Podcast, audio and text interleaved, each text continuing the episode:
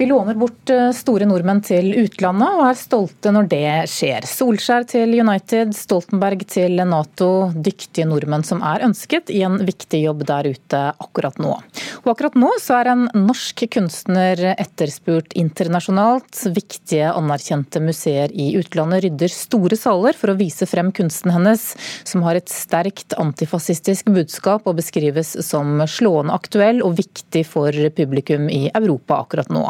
Men de møter et stort problem, nemlig å få lov til å låne kunsten hennes av Nasjonalmuseet her i Norge. Hun er en av de aller, aller største norske. Helt opp der med, med Munch og Astrup. Sier museumsdirektør i Trondheim, Åshild Adsen. Hanna Ryggen døde for 50 år siden og ble en periode litt glemt, men billedteppene hennes vekker oppsikt i utlandet nå, med sitt sterke budskap mot vold og terror, forteller museumsdirektør Petter Snare i Kode Bergen. Så Hanna Ryggen fremstår nå som hyperaktuell, eh, også på den debatten som skjer i verden i dag. Men når de store utenlandske museene skal låne bilder av Nasjonalmuseet, får de problemer fordi museet skal flytte og ikke har tid til å låne ut bildene. Altså et, et utlån av eh, et sårbart og uerstattelig kunstverk er alltid krevende. Og når Nasjonalmuseet er i den ekstraordinære situasjonen som det er nå, med å ferdigstille og gjøre i stand Nordens største kunstmuseum, så er det klart at det er ekstra eh, krevende å, å, løse de oppgavene som må til for å gjennomføre et lån på en trygg og god måte. Sier kommunikasjonssjef i Nasjonalmuseet Eirik Kydland.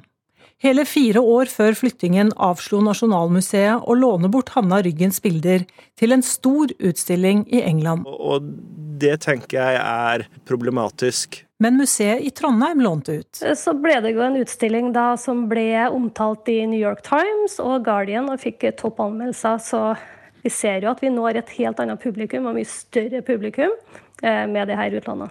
Så oppdaget et annet av Europas viktigste museer, Skirn kunsthalle, også Hanna Ryggen. Og blei så begeistra og sa at det her er fantastisk. Eh, rikt, billedsterkt, fargesterkt og episk. Margit Walsø leder en stor satsing på norsk kunst i Tyskland til høsten. Men heller ikke Schirn fikk ja til å låne bilder.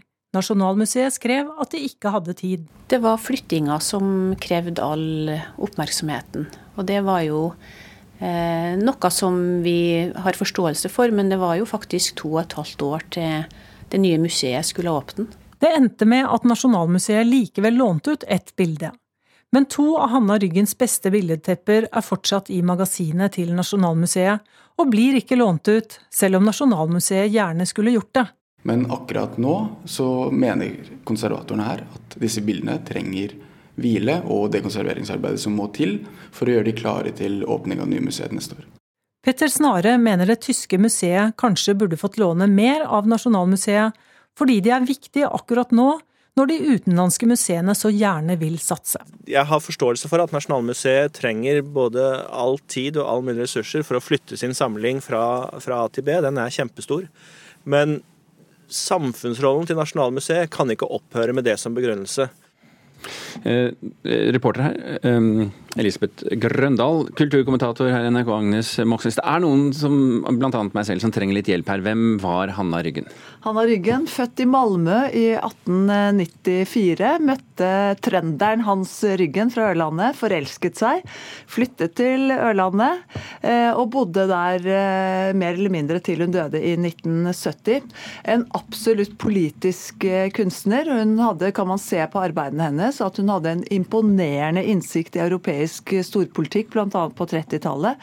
Og hun brukte vevstolen sin mot Hitler, mot Mussolini, Franco, mot fremmedfrykt, maktmisbruk osv. Mm, og så får vi jo det klare inntrykket her at hun er ganske kjent, men hvor kjent er hun egentlig? ja, altså I Norge og, og, Sverige så var hun kjent allerede på i den tiden hun levde. Men så er det jo sånn at eh, kombinasjonen kvinne og billedtekstilkunstner, den er ikke en vinner vinnerkombinasjon. Men i løpet av de siste årene så har det skjedd veldig mye med interessen rundt Hanna Ryggen, både i utlandet, men også i Norge. Og jeg så da Stortinget åpnet en ny avdeling nå for bare kort tid siden, så hadde de invitert fem unge kvinner til å, å til, altså som, de, eh, som stiller ut i Eller har permanent stilt ut i Stortingets nye avdeling. Og alle sa at de var sterkt inspirert av nettopp Hanna Ryggen. Vi, vi har jo hørt i, her i Kulturnytt og Nyhetsmorgen uh, mye om, om suksessen Munch-museet har med å låne ut bildene sine. Hvorfor låner ikke Nasjonalmuseet ut eh, bildene hennes? Nei, De har jo sagt det i mange år, at de, er, at de har annet å gjøre. De skal åpne et nytt museum sommeren-høsten 2020.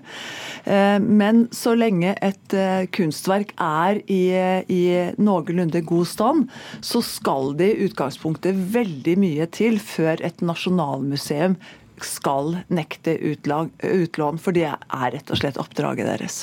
Og, og, Vi hørte jo her eh, at de setter bremsene på eh, en utstilling i England. 20, satte bremsene på i 2017, eh, og nå til høstens denne, denne storsatsingen i Tyskland. Og så blir det reaksjoner. og Hvorfor blir de så kraftige? Det er flere grunner til det. Altså, Den norske stat bruker et trettitalls millioner kroner nå i 2019 på den største kultursatsingen i utlandet noensinne. Det skjer i Tyskland i forbindelse med bokmessa nå i, i høst i Frankfurt. Og I Frankfurt der er Schirin kunsthalle, som er en av de mest sentrale kunstscenene i Europa. Eh, de lager nå eh, en av de største Hanna Ryggen-utstillingene i utlandet, eller den største Hanna Ryggen-utstillingen i utlandet noensinne. Og da, i det øyeblikket der, så sier altså da statens eget eh, museum, som sitter på hennes viktigste arbeide, nei til utlån av sentrale verk. Og så er det dumt fordi det er et voldsomt trøkk rundt mm. Hanna Ryggen nå. Og så er det slik at hvis man får til et godt samarbeid med Skirn og deres søstermuseum Stedel, som også er i Frankfurt, som sitter på enorme samlinger av Rembrandt, Fermer, Matisse osv., så, videre, så kan et godt forhold til dem føre til at Nasjonalmuseet på et senere tidspunkt kan låne kunst tilbake igjen mm. til Norge. Hvordan tolker du deres valg? Jeg har sittet og sett på korrespondansen som har gått nå mellom eh, Nasjonalmuseet og Det moderne museet i Oxford og i Skien. Og det jeg ser er egentlig ganske oppsiktsvekkende, fordi det bekrefter at vi har et nasjonalmuseum som virkelig er innadvendt. Eh, direktøren overlater til sine medarbeidere å svare på direkte henvendelser fra hennes kolleger, direktørkolleger i Europa. Og, og, når disse kollegene ber om innstendig om eh, verk fra, fra ryggen, og hun kommenterer heller ikke deres ønske om å komme på besøk for å diskutere dette her eh, direkte. Og i beste fall eh, så kan dette være en episode som, eller episoder som retter seg opp når eh, hverdagen igjen inntar Nasjonalmuseet, altså når de, igjen, når de, nå har flyttet inn i et nytt museum. Men i verste fall så kan det gi Det norske Nasjonalmuseet et veldig dårlig omdømme. Både eh, i Norge, men også i utlandet. Ok, Agnes Moxnes, eh, takk for eh, orienteringen.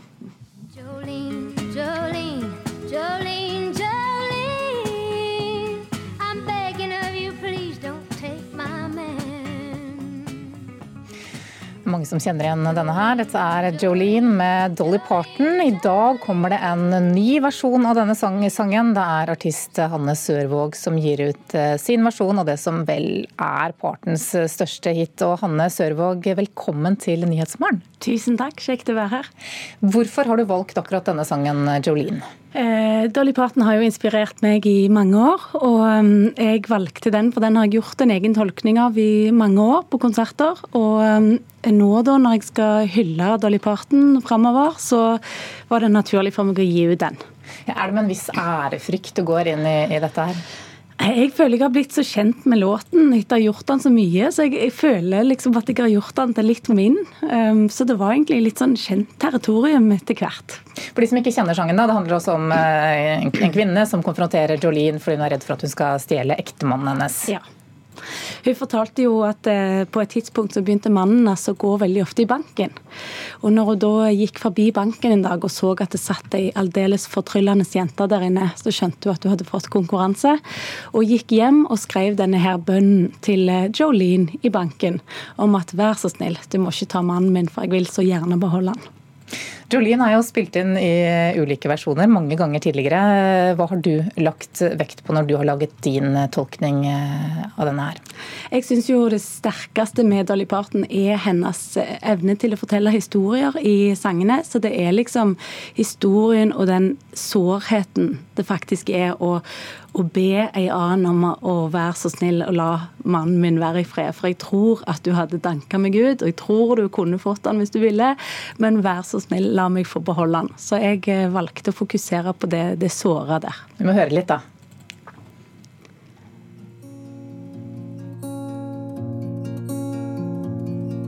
Jolene, Jolene, Jolene, Jolene.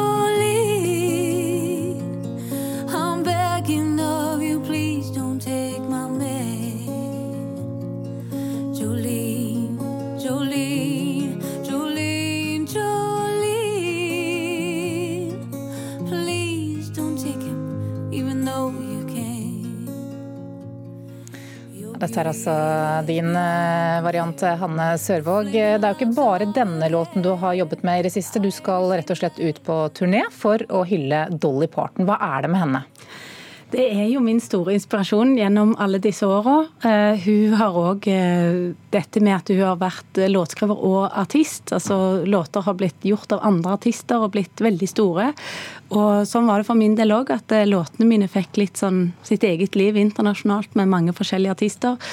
Så sånn sett så har jeg alltid sittet med nesa ned i en Dolly Parton-biografi eller bok til inspirasjon, eller så Og så er hun liksom entertainer på det at liksom, det er show i alt du gjør. og Sånn som hun ser ut òg, som hun sier at hun fikk oppmerksomhet først for, og så kunne hun vise til eh, de låtene.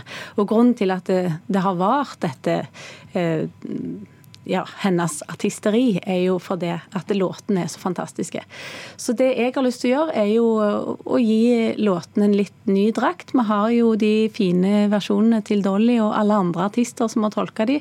Så det er liksom min stemme og Dolly sine låter som skal ut på veien. Ja, hvilke andre sanger er det du eh, skal formidle? Jeg gjør jo alle hitsa, selvfølgelig. Nine to Five og um, Code of Many Colors, Love's Like a Butterfly, Bargain Store. Harper Valley PTA.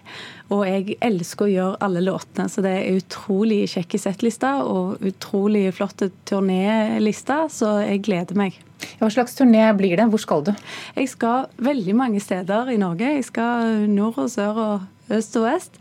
Eh, og det slippes jo i dag, denne nyheten, så det er mange steder som er satt allerede. Og så er det andre steder som det jobbes med. Er det sånn at unge mennesker også kjenner Dolly Parton og det hun har gjort? Ja, det er jo det. Hun er jo veldig flink til å samarbeide med unge artister, sånn at da når hun ut til eh, et ungt publikum på den måten. Og så er det jo dette med at låtene lever videre. Så hun når nye folk hele tida.